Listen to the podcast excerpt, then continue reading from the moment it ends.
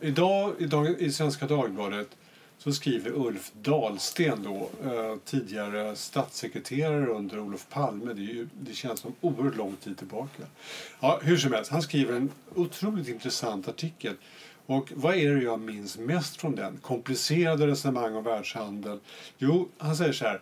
2% av allt kapital, eller snarare så här, 2% av alla transaktioner med, Eh, med kapital i världen används eller går till reala investeringar, alltså investeringar i fabriker eller järnvägar, någonting av det där som är mer påtagligt. Resten används för att satsa i finansiella, eller göra finansiella satsningar.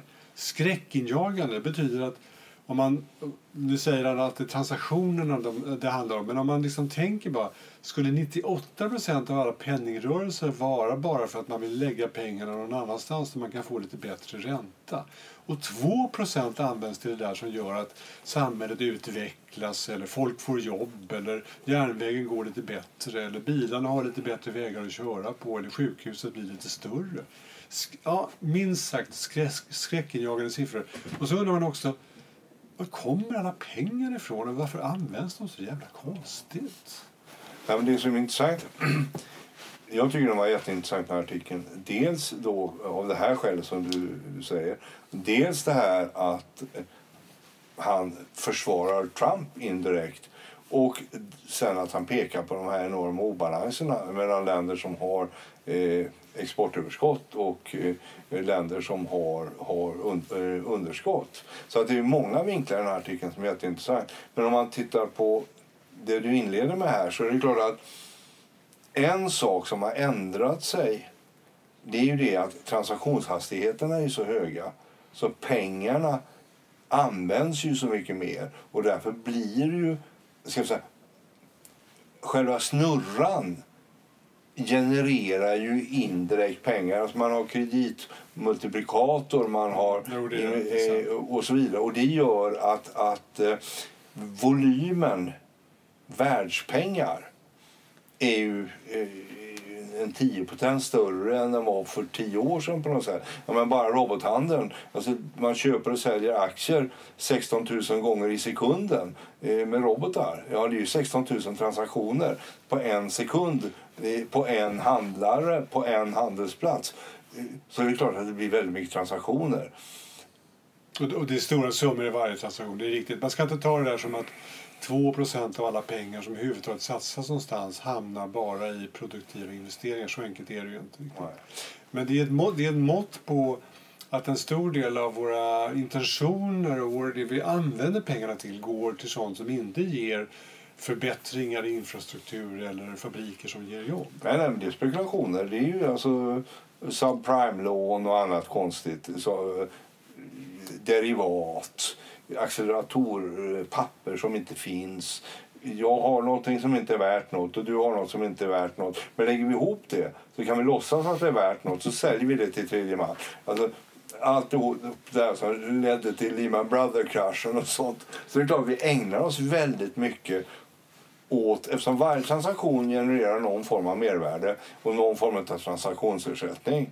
Så det är klart att kör man 10 miljoner transaktioner om dagen så blir det ju lite pengar då till, till de som sitter och, och rattar de här man, eh, flödena. Men, och då undrar man ju sådär, alltså Um, om man säger så här, kapitalismen söker sig dit man kan tjäna pengar. Det låter ju det är, det är liksom inbyggt på något sätt. Mm. Och då har vi hittills levt i en tid där en, under 100, 200, 300 år så har vi levt under en tid där en stor del av de här pengarna gick åt till att just bygga den här infrastrukturen och fabriken och sånt där. Som vi, det verkade som det gav pengar där. Mm. Och sen så kan man förklara en del av fabriksflyttningarna till det bortre Asien till att det ger mer pengar att bygga fabriken i Kina än i Sverige. Ja, men det vi, ser, det vi tittar på just nu med de här siffrorna det säger ju att det, det är nästan, det är inte någon idé att bygga fabrik ens i Kina. Det är mycket bättre att liksom att använda pengarna för, för smarta satsningar på börsen eller flytta pengarna på det sättet. Alltså, kapitalismens drivkrafter finns där men de används inte alls någonstans i hela världen till det som, som under 200-300 år gjorde att västvärlden i alla fall blev rikt. Och nu Kina håller på att bli rikt också av samma skäl. Men det som är intressant där är ju det att vi talade ju om rovdrift, rövarbaroner Ja, och så vidare. Ja, ja. Engelsmännen som kom till ja. eh, Värmland och, och exploaterade. Oh. Engelsmännen som åkte till Afrika som exploaterade. Svenskarna som... Alltså, så att den här rovdriftstanken kring kapitalisten den har ju funnits i 300 år. Det är bara det att nu är rovdriften på en annan arena och så är den mycket snabbare. Och den gamla rovdriften den har vi vant oss vid och den romantiserar vi nästan. Vi tycker det är fint att det finns ett bruk i Degerfors. Precis. Men, men den nya tittar vi på så men de gör ju ingenting. De tjänar ju bara pengar. De tar risker, de paketerar, de håller på. Och då tycker vi det är lite mer omoraliskt Mm, än att visst. åka till Värmland och hugga ner träd. Så. Verkligen. Det, jag håller verkligen med dig. Det är klart att det är så. Det är klart att de här så kallade... Alla de här, alla de här kapitalist, kapitalistiska yttringarna har ju liksom... De är benämnda med fula tonfall och fula ord. Vad heter de? Träbaroner, det visste vi. Det var hemska varelser som lurade skogen och bönderna. Ja, Baggbölingar. Ja, och nyrika. Det finns en lång rad sådana här uttryck. Hur dumt det är att hålla på med, Ja. med kapitalistiska satsningar och tjäna pengar på det. Oljebaroner och, Precis. och järnvägsbaroner och, och så vidare. Jo, så, jo så, så är det ju. Och sen blir man van med dem och så blir de istället för new money så blir de gamla money Mm. och så blir eh, Rockefeller och grabbarna det blir fint folk istället för att vara fult folk. Precis. Och så tar några generationer så blir till och med en eh, Wallenbergare fin så att säga. Precis. Och jag, och jag kan ge mig fan på att, att vals, klipp, har blivit nästan ett ord som man skulle kunna använda sig av i fina salonger numera. Han gjorde ett bra klipp. Ja, ja, ja Som, absolut. som, som först började som en, liksom en, också en sån här bild av en hemsk, rovgirig farbror som hette Wall som gjorde klipp istället för att liksom ägna sig åt riktigt arbete. Ja, och det är rätt kul för att eh, du har, du har verkligen huvudet på spiken här därför Christer Gardell som ju är dagens Va- Anders Wall han har ju gått ifrån att vara gossen Ruda i kapitalismen till att helt plötsligt bli den som han skriver artiklar om kan inte eh, Christer Gardell ta över eh, Karolinska institutet så blir? Kan inte Christer Gardell gå in i Ericsson och rensa upp? Kan inte Christer Gardell... Alltså, och då blir helt plötsligt, eh, ska jag säga, eh, bocken blir inte trädgårdsmästare utan bocken blir verkligen omvandlad till trädgårdsmästare. Och, och det, det, är, det är väldigt intressant då, att, att hur vi ändrar inställning och ord eh, med tiden. Och, och det är klart att Gardell ägnar sig ändå åt strukturering utav industrier. Han sitter ju inte hemma och kör en sån här robotsnurra som gör 18 000 transaktioner i sekunden för att han ska bli rik. Utan han gör en konkret industriell insats. Och det, det är ju någonting som vi har lärt oss uppskatta efterhand. Så att säga. Var det så att de gamla socialdemokraterna insåg det här mer eller mindre instinktivt för länge, länge sedan? Det var därför de på något underligt sätt höll god min eller till och med var nästan god, goda vänner med fam- familjen Wallenberg. För de visste att det fanns någonting där som fungerade. Eh, Det gav, mm, det gav medlemmarna bra jobb och en långsam eh, välståndsutveckling. Ja, de var, vi har sagt det flera gånger, de gamla socialdemokraterna var rätt kloka. Ja. Och, och de, man hittade faktiskt den här eh, Sweden the middle way. Alltså vi var någon slags eh, strukturerad, väldresserat kapitalistiskt samhälle fram till någon gång på 80-talet. Men tillbaka till Ulf, till Ulf Dahlsten. Det jag, det jag tänkte på var så här. Han, han beskriver någonting som jag vet har, jag har funderat mycket själv över och framförallt oro, oroats över. De, de finanserna, eh, framförallt obalanserna är groteskt stora. Och då går jag och väntar på att det ska bli någon sorts fruktansvärt smäll. Plötsligt vill ingen ha dollar längre för man säger att ja, men Amerika är så skuldsatt som, som eh, stat. Alltså statsbudgeten i Amerika är så underbalanserad. Eller man säger att någon av de europeiska länderna f- praktiskt går i konkurs, Italien eller Spanien. För man vill inte hålla på och låta dem leva kvar i euro längre och på det sättet leva vidare. Eh, någonting sånt händer och då blir det liksom verkligen Alltså det blir så grotesk eh, finanskris av det som kommer att slå, slå sönder världen nästan. Alltså, vi, var ju, då? vi var ju väldigt nära det här för några år sedan då när Grekland höll på att göra stats, statsbankrutt. Och där har ju Dahlsten en intressant vinkel. Va? För implicit i det som Dahl, äh, skriver så säger han ju egentligen det att ja, EU är bra. Ja, euron är bra. Men euron innebar också en 30-40% devalvering av D-marken. Vilket har gjort att hela världen har haft råd att köpa tyska bilar. Vilket har gjort att Tyskland har fått ett fullkomligt groteskt handelsöverskott. Vilket naturligtvis Tyskland har någon form av moralisk anledning att hjälpa grekerna eftersom grekerna också har euro, med i samma system. Det är bara det att de hade ingen över... Ska jag säga, de hade ingen industri som kunde njuta frukten av en kollektiv devalvering av valutan. Så de blev losers i det här gemensamma europrojektet. De köpte bara de tyska bilarna men hade inte riktigt råd med det. Precis. De fick momentant råd för bilarna blev mycket billigare. Mm. Och lånade pengar och köpte bilarna. Men de hade ingen produktionsapparat som backade upp det långsiktigt. Va? Och det skriver Dahlsten också att det finns en, en obalans mellan norr och söder, mellan öster och väster Mm. som man måste ta hänsyn till. Och det är klart att den stora faran just nu det är ju då att Kina äger så stor del av USA. Mm. Och så helt plötsligt om om, om det blir hårdare tider så ringer kineserna till amerikanerna och säger Hey guys, time to pay. Och så blir det en ny sån här skakning i världsekonomin fast hundra gånger större än Mm. den grekiska så att säga. Och det finns en moralisk utmaning i det här som är väldigt svårt att se hur man ska lösa. Mm. Vad... eh, Jag menar, kineserna är bäst på att göra eh, en massa grejer och tyskarna är bäst på att göra en massa andra grejer.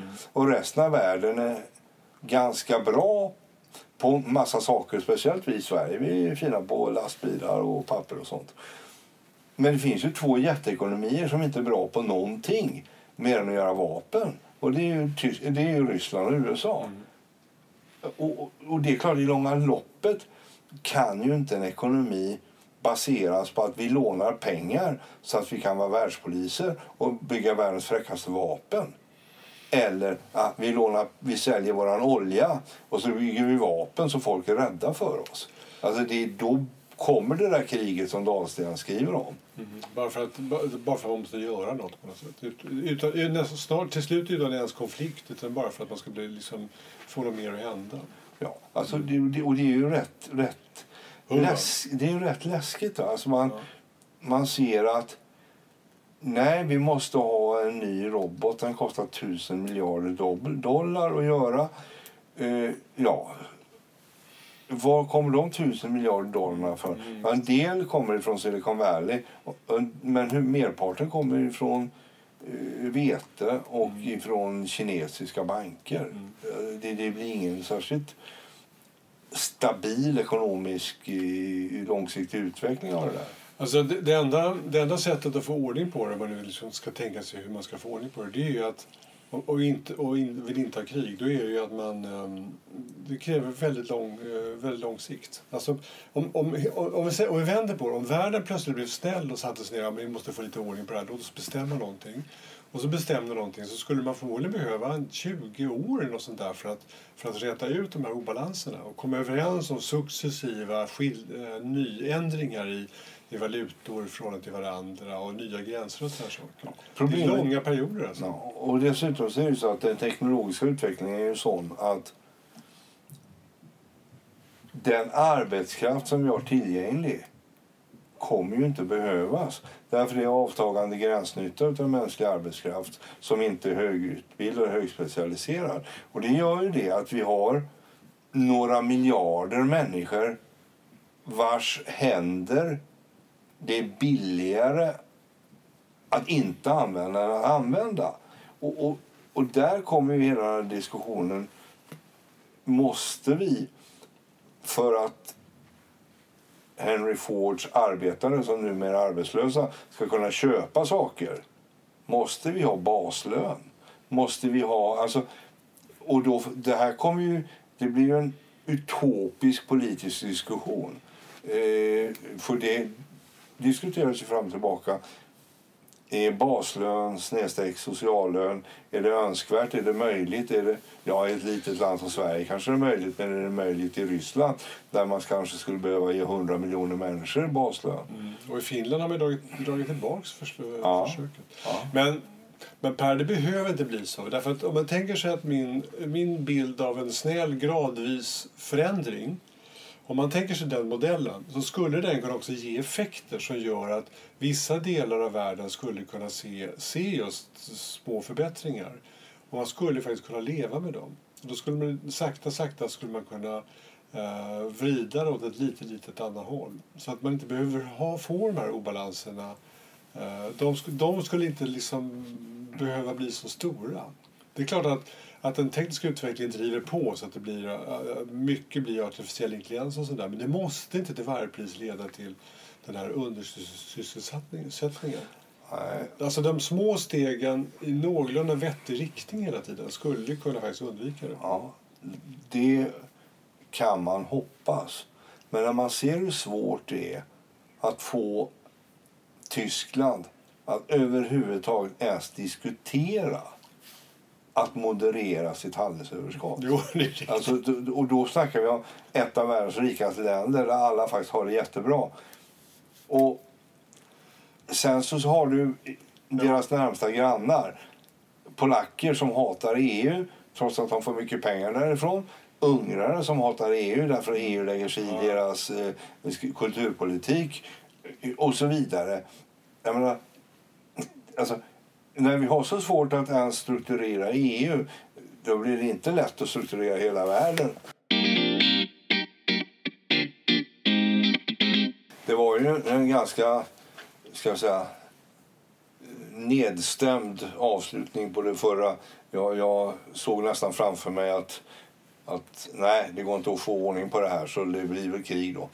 Men, men eh, så, så negativa ska vi väl inte behöva vara. För det finns faktiskt en sak som är en tillräckligt stor utmaning för mänskligheten, hela mänskligheten, som gör att det faktiskt skulle kunna gå att sätta upp mål och investera pengar och engagera människor i jätteprojekt som skulle kunna suga upp mycket av energi och mycket av resurser som vi nu ser kanske eh, inte behövas. För tänk att återställa ekos- ekosystemet, att, att göra någonting åt... Ja, men vi har Parisavtalet. Den talar om gränsen för hur mycket dumhet vi får ägna oss åt. Men tänk om vi kunde förhandla fram ett avtal som säger det. Okej, nu vet vi vad som är fel, så nu bestämmer vi oss. Vi tömmer oceanerna på plast. Det kostar naturligtvis några hundra miljarder att bygga de här flytande öarna som ska suga upp plasten och allting sånt. Men vi gör det. Ja.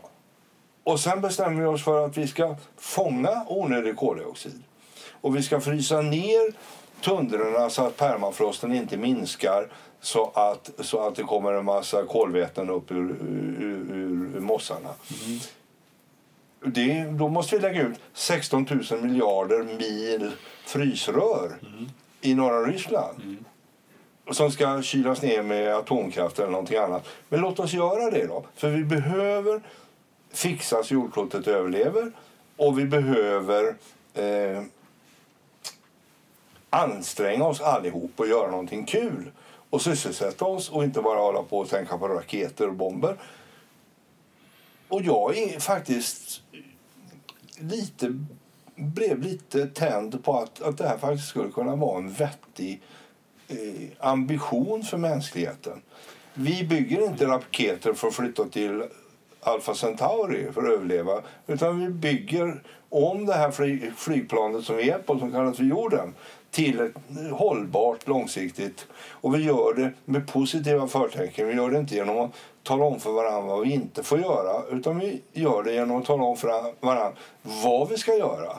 Vi bygger solceller i hela eh, Sahara. Vi tar bort plasten ur haven. Vi syresätter Östersjön. Vi, vi gör alla de här grejerna. Ja, det går åt energi och det går åt människor och det går åt pengar. Men här sitter vi handfallna och säger vad ska vi investera i, om inte bomber? Jo, vi ska investera i att fixa så att våran hem fortsätter att vara beboeligt. Det är en underbar tanke. Och du har ju naturligtvis rätt. Nu har världen nått det läget. Vi har pengarna.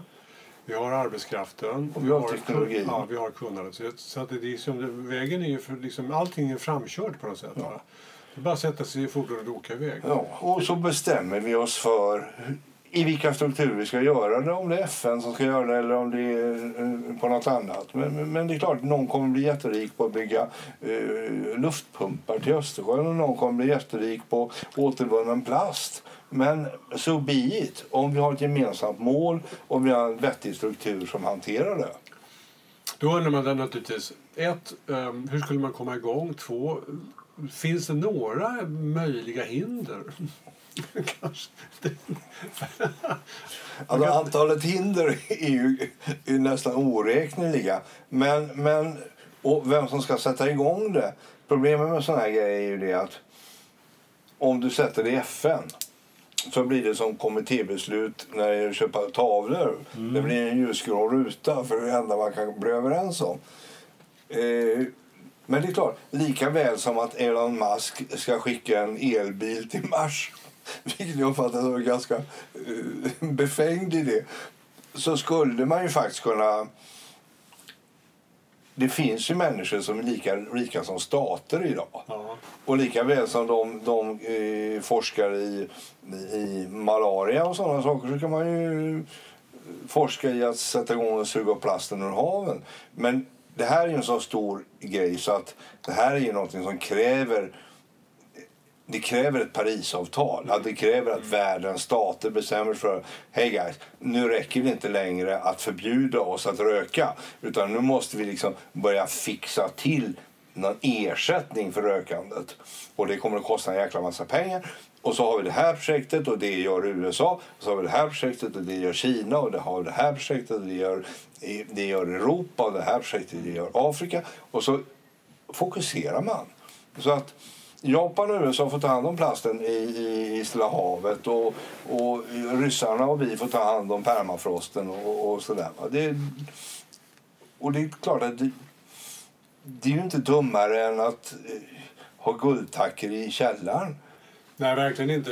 Men kan, det är klart att mm, övertala Amerikas president just nu, det, det kanske är svårt. Men då får man tänka sig, då kanske man får ta en del i sänder. För jag tror inte det skulle vara så jävla svårt att övertala Kalifornien till exempel. Så får man väl nöja sig med det då. Och, och, och likadant i Europa och kanske likadant i Afrika. Delar av de här, allt det här följer med. Jag gissar att jag gissar då att Kina skulle säga ja på något sätt. Eh, då skulle de själva känna sig som de var eh, liksom världens ledare på något vänster i viktiga frågor. Jag tror att de har en sån eh, ambition. Skulle, det skulle passa dem rätt bra. Och då skulle man i det här fallet, även om man inte gillar Kina, skulle det passa rätt bra för själva saken just nu. Så att säga. Några sådana grejer skulle man kunna göra. Och så får man hoppas att Amerika väljer en vettigare president nästa gång och så kanske de är med i hela landet. Lite sånt där. Men kommer man igång så kan det förmodligen så att, så att det börjar hända saker. Därför att man ser ju att de rika amerikanerna, alltså just Musk och, och Bill Gates, de har det finns liksom, de åtnjuter stor respekt med vad de håller på med. Även om det inte är att tjäna pengar eh, och, och även om de är lite knäppa sådär så, så det finns någonting som gör att man tittar på dem och följer med dem. Ja, nej, men alltså, det är ju ingen tvekan om att Gates Foundation gör ju bra saker. Ja, visst. Alltså, och, och de gör det med ett gott uppsåt. Mm. Och de gör det inte för att sälja mer prylar utan mm. de gör det för att eh, Melinda Gates och, och, och, och, och eh, Gates himself har en vision om att vi har så mycket pengar så att även om vi ger en tiondel till våra ungar så kommer de att klara sig. De andra nio tiondelarna de vill vi ge, göra något vettigt av. Och det är klart att om någon av de här killarna helt plötsligt kom på den här idén. Nej, istället för att åka till Mars mm. så fixar vi jordklotet. Ja, mm. Då är ju det naturligtvis någonting som han skulle kunna vara en katalysator till. Därför att han har ändå ett par hundra miljoner dollar som han skulle kunna lägga ner i sitt favoritprojekt. Mm. Och då hinner han prata med väldigt mycket människor och bygga upp en väldigt stor struktur och sätta igång och göra en väldigt massa saker Mm. för, eh, ja, för, för, för att katalysera en sån process. Och det är klart att sen kommer ju alla eh, förhoppningsvis att hänga på med sina små bitar och, och, och göra det vi kan. Och det är klart att om, om USA, Kalifornien och, och Bill Gates ger sig på Stilla havet så kanske vi och finnarna kan ge oss på Östersjön. Visst. Eh, Jag menar, det är ju inte... Ja, men det är ju bara att sätta ner en jättestor luftpump i, utanför, utanför eh, Sandhamnsgraven och så en jättestor kompressor Ja. och sen en jättemassa energi och så sätta igång. Jag menar, det, det är ju inte, alltså, det är ju inte rocket Nej, science. nej, nej. Det är en brutal Ja, det är kraft som ska in där för en väldig massa luft som ska pumpas ner i Östersjön. Men vi vet ju hur vi ska göra det. Ja ja, men det är verkligen sant alltså.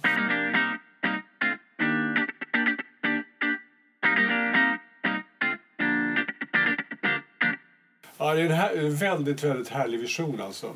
Och eh, det jag undrar över, eh, man kan ju ha massa sådana här frågeställningar liksom så här. De som, för andra som sitter med väldigt mycket pengar som inte är Musk eller Bill Gates, det vill säga redan upplysta kring den goda gärningens viktiga förhållande till mänskligheten och sånt där. Utan att vanliga eh, kapitalister, det gäller att få med dem också då. Gardell som jag nämnde tidigare ska ju också vara med här och, och satsa pengar på något sätt. Och det är eller, fint. eller tala om det på något sätt. det fina med en sån här grej är ju det va? att det finns ju en väldig massa mervärden här. För den som om Flykt nu gör de här jättepumparna kommer ju ägaren till Ja, Flykt visst. att tjäna massa pengar. Alltså, det blir en massa Precis. kapitalistiskt mervärde genererat Ja, det- och det blir en väldig massa löner genererade. Så att det går naturligtvis att, att om man bestämmer sig för att nu investerar vi 100 miljarder Ja. i att återställa Östersjön. Ja. Kom hit och lägg bud ni som har pumpar Ja. och kom hit och lägg bud ni som har kraftverk. Det är klart, då kommer de ju. Ja, det det. Och, och, och det, det blir ju... Ja, men det är ju inte, alltså, vi säger att vi ska bygga ett nytt jaktplan. Det kostar 30 miljarder. Ja, det jaktplanet kommer ju, den kommer ju att förränta en säkerhet på samma sätt som en hemförsäkring. Men så länge hemförsäkringen inte är använd så ligger den ju som ett papper i kassaskåpet och så står flygplanet på Såtenäs. Det är ju inte konstigare att sätta de 30 miljarderna i en luftpump Nej. som pumpar luft i, i, i eh, Östersjön eller i eh, någonting annat som kan behövas va? Så i, av, av den här synpunkten. Men du har rätt i det. Just det. Och då behöver man ens, det, det är alldeles sant. Då behöver man, inte ens, man behöver inte ens övertala Gardell. Utan han ser ju klok som, som en riktig kapitalist att pumpindustrin just nu har, en, har tio goda år framför sig. Det är, det är pump, eh, pumptillverkare man ska satsa pengar Alltså, i. Ja. Mänskligheten har gemensamt bestämt att vi ska investera 10 000 miljarder dollar de närmaste 20 åren i att städa upp omkring oss. Det är ju 10 000 miljarder som kommer att åka in i en kreditmultiplikator och en, och en investeringsmultiplikator. Alltså, det, det blir ju så mycket pengar så det finns ju inte. Och det är klart det kommer att skapa nya industrier. Det kommer, solcellsindustrin kommer att explodera. Så det är klart. Och det är ju inte mer fiktiv marknad Nej, nej. än försvaret. Nej, det är verkligen sant. Det, väldigt mycket av det vi tillverkar idag kan man hä- hänvisa till den typen av eh, kan man säga, eh, inte- det är dumt att säga meningslösa, men sånt som inte är liksom mat och, mat och husrum. så ja. va? Eh, men som vi ändå gärna köper och som vi ändå uppfattar som, som kloka och kloka sätt att använda våra pengar. Och det här är nog bland det klokare egentligen. Jo, sen är det klart det kommer att vara massa motstånd och sådär. Alltså, jaha, du ska ersätta all energi med sol, solkraft och, och, och, och kärnkraft och vi som håller på med olja.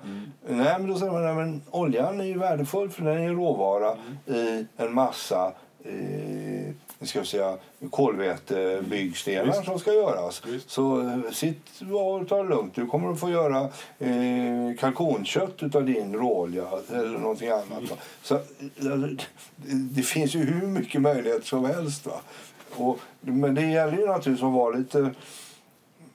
Ja, alltså, många måste vilja det här samtidigt. Ja, det är riktigt. Det, och, det kräver, och alla kommer inte vilja det, så det kräver, en, eh, det kräver omfattande diplomati också. Ja. Det är riktigt, va? Men sen undrar jag om inte det, det, det bör rimligen finnas goda exempel redan idag. Alltså i lokal skala. Det måste finnas någon stad, det måste finnas en stadsdel. Det borde finnas kanske hela länder där man har gjort liknande saker och sett, uh, och sett effekten av det. Ja, det var ju någon stad nu nere i Skåne som uh, kopplade bort sig från elnätet och, och uh, försörjde hela, hela, hela kommunens elbehov med hjälp av sol och vind. Vind, och, ja, Ja. Och de har solceller på taket och sådär. En liten grej. Och i Tyskland har man ju det där uh, solvände. Alltså att uh, solcellerna i Sydtyskland skickar elkraft till Nordtyskland när det inte är molnigt där och vice versa. Men det, det finns ju en massa sådana här små lokala initiativ och det finns någon som ska bygga en solpark på högslätten i, i Spanien och sådär. Så det, det finns ju Men jag tänkte ja det- finns. Jag så tänkte jag också på den här själva uppstädningseffekten. För du har ju rätt i det. Det, är ju, det behövs städas. Det är faktiskt sant. Alltså. Världshaven är ju försmutsade och det finns försmutsningar liksom på andra håll. Ja. Det är för mycket koldioxid i atmosfären Ja. som behöver tas om hand och stoppas ner i jorden igen på något vänster. Mm. Det finns några sådana viktiga åtgärder dessutom som också är energikrävande eller fabrikskrävande eller åtgärdskrävande, Ja. vilket är gott i det här fallet. Va? Och då, men även det undrar jag om inte det borde finnas exempel på. Alltså när man har städat upp en stad så där grundligt och satsat i infrastruktur och liksom, så att det blivit en stad igen från att vara ett slum eller något liknande.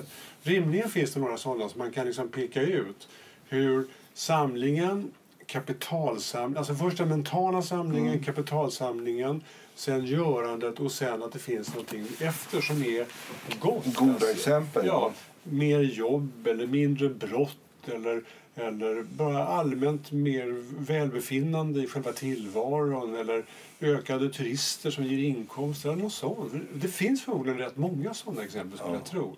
Det, det man, I den lilla sektor som jag är i så har jag hört talas om Bilbao Alltså en inte alltför ja, lagom trevlig stad i Spanien som inte var något särskilt som byggde ett museum och så, så, så, rustade de upp hela stan. Och så blev det liksom någon sorts... Uh, ja, stan blev bättre Ja. av en sån sak. Och det där är ju också rätt intressant, för det där är ju någonting som är svårt för oss svenskar att ta till oss. Den här symbolens metabetydelse. Mm, ja, det kanske... Ja, för, ja, att, för att alltså, för en svensk, att man bygger en statement building Mm, kring något så efemärt som, som en konstutställning mm, och så sprider det sig någon slags lugn och ordning kring detta. mm. I Sverige är vi ju allergiska mot statements buildings. Jo. Vi gör ju, vi gör ju så... Vi lyckades till och med förstöra ett hus av eh, Monet och som är vårt mo- moderna museum genom att alla politiker skulle in och peta i ritningen. Så att säga. Därför vi vill inte ha statement building. Eh, Utan vi vill ha ordning och reda och 60-tals eh, och, och, och sådär. Och våra sociala experiment i byggbranschen är skäligen misslyckade. Ja, är verkligen sant. Och jag, och jag ska inte hävda, samtidigt ska inte hävda Bilbao. Det är bara ett exempel som jag minns när jag började tänka efter. Man kan lika gärna säga eh, Barcelona. Det var ju olympiaden som gjorde att de vände upp och ner på. Men det är, Barcelona är ett jättebra exempel. Va? För, för, alltså, jag var i Barcelona här om året och fick mig berättat. Och man fick se bilder på hamnkvarteren Ja, ja, och alltihop det där. Mm. Och det är, det är ju fullkomligt ofattbart vilken förvandling Mm, som, som de använde OS som katalysator Mm. för att ändra hela stan. Och så har det blivit en, ett Nice Mm. istället för en, en gammal ner, nergånget jätteborås. Alltså det var ju världens största textilstad en period och sen var det ingenting kvar och så var det bara bröt. Och nu är det jätte, jättefint. Ja, det är verkligen. Nu skulle man önska att de stannade utvecklingen där för ungefär 10-15 år sedan. Istället för att liksom dra vidare och bli någon sorts huvudstad i den här äh, separatiströrelsen. De, de, gick, de tog några steg för långt på något sätt. Ja, det kan man verkligen hålla med om. För när man var i Barcelona, sådär, man tänker tillbaka, 1900, nej förlåt, 2000, eh, ja, 2001, 2002 när de hade gjort allt det där. Olympiaden var över Och det bara var, plötsligt var det en väldigt härlig stad. Man såg, man förstod, det här var de där hemska hamnkvarteren. Det är där vi går nu mitt i natten. Från en trevlig restaurang till en rolig bar där är andra roliga människor. I, och utan, ingen känner någon fara eller någonting. Utan han, de, de, de, de hemska hamnkvarteren har blivit trevliga strandkvarter istället. Ja, va? Helt underbart. Men som sagt, de skulle ha stannat där